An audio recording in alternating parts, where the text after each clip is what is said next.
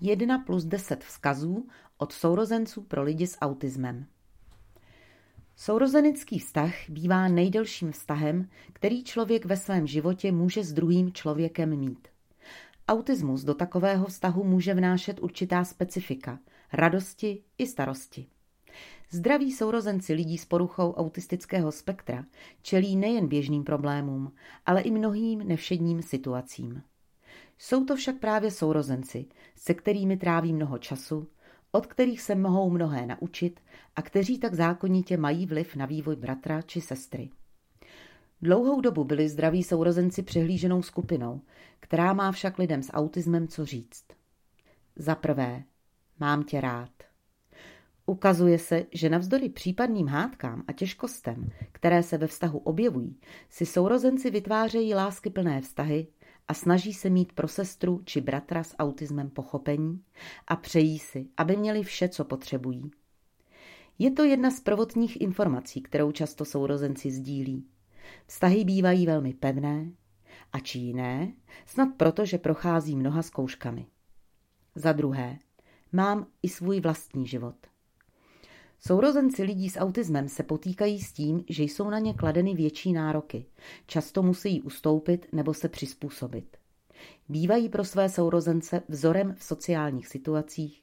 Čeká se od nich pochopení náročného chování jejich bratra nebo sestry a jeho tolerance.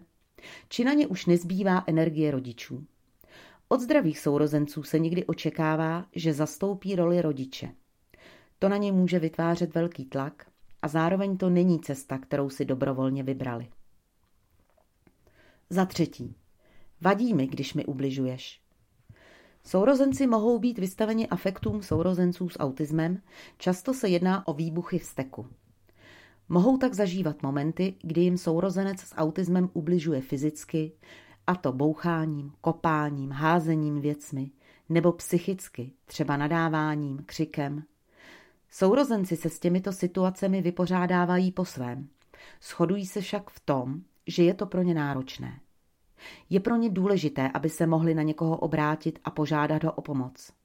Oceňují, když mají s kým sdílet, jak situace zvládají, nebo se můžou připravit na další podobné chvíle. Například s rodiči vymyslet tzv. bezpečnostní plán pro případ, že by se opět stali terčem útoku. Za čtvrté, komunikuj se mnou. Komunikace je jednou z oblastí, která je u lidí s autismem v určité míře vždy omezená nebo specifická a tak se jí sourozenci často snaží přizpůsobit či hledají způsoby, jak se s bratrem nebo se sestrou dobře dorozumět.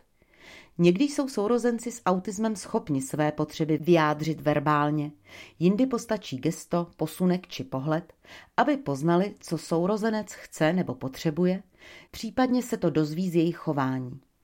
Ukazuje se, že je pro sourozence úlevné, když přijdou na to, jakým způsobem s bratrem či sestrou komunikovat, i když je to někdy běh na dlouhou trať.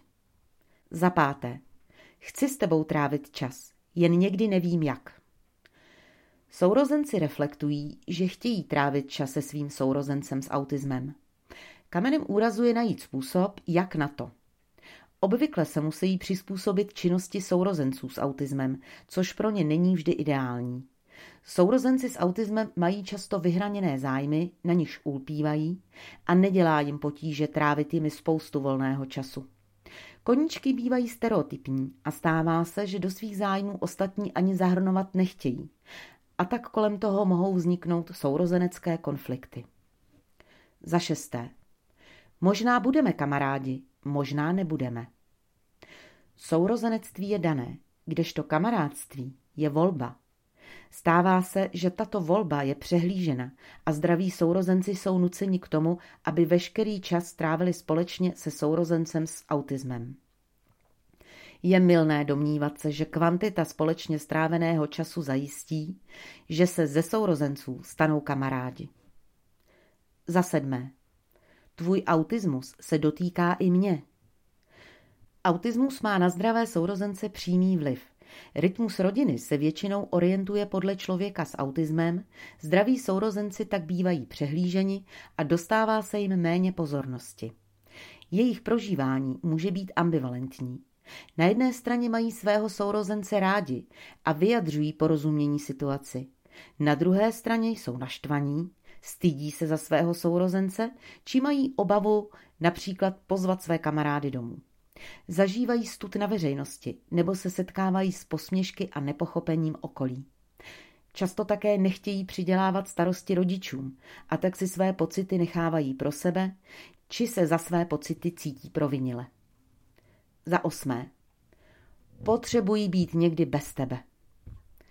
Prostředí, ve kterém vyrůstá zdravý sourozenec, je ze své podstaty jiné a trávit nějaký čas odděleně je nejen zcela v pořádku, ale také to je velmi zdravé. Sourozenci mohou zažívat nedostatek soukromí či klidu, například v případech častých afektů sourozence s autismem. Často se setkáváme s tím, že sourozenci chtějí a potřebují mít své zájmy a čas pro sebe. Případně mít možnost trávit nějaký čas jen s rodičem. Sourozencům s autismem pak pomáhá, když se takový systém v rodině předem nastaví. Za deváté.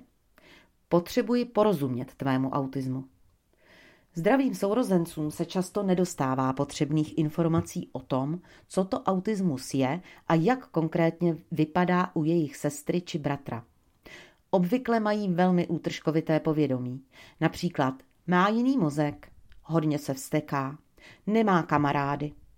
Ale ve skutečnosti nerozumějí příčinám chování svých sourozenců s autismem. Předávání informací o autismu a jeho konkrétních projevech u daného člověka pomáhá sourozencům budovat pozitivní vztah k jejich sestře či bratru s autismem.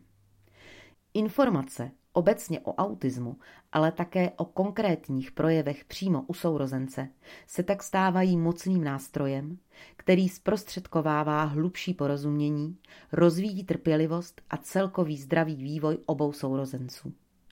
Za desáté. Neboj se říct o pomoc. Sourozenci lidí s autismem bývají velmi často citliví k jejich potřebám.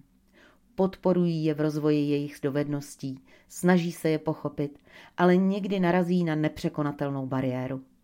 V takovém případě je v pořádku odkazovat sourozence s autismem na hledání dalších možností, třeba pomoc od blízkých osob nebo je podpořit ve vyhledávání vhodného odborníka, například lékaře, terapeuta, sociálního pracovníka a podobně.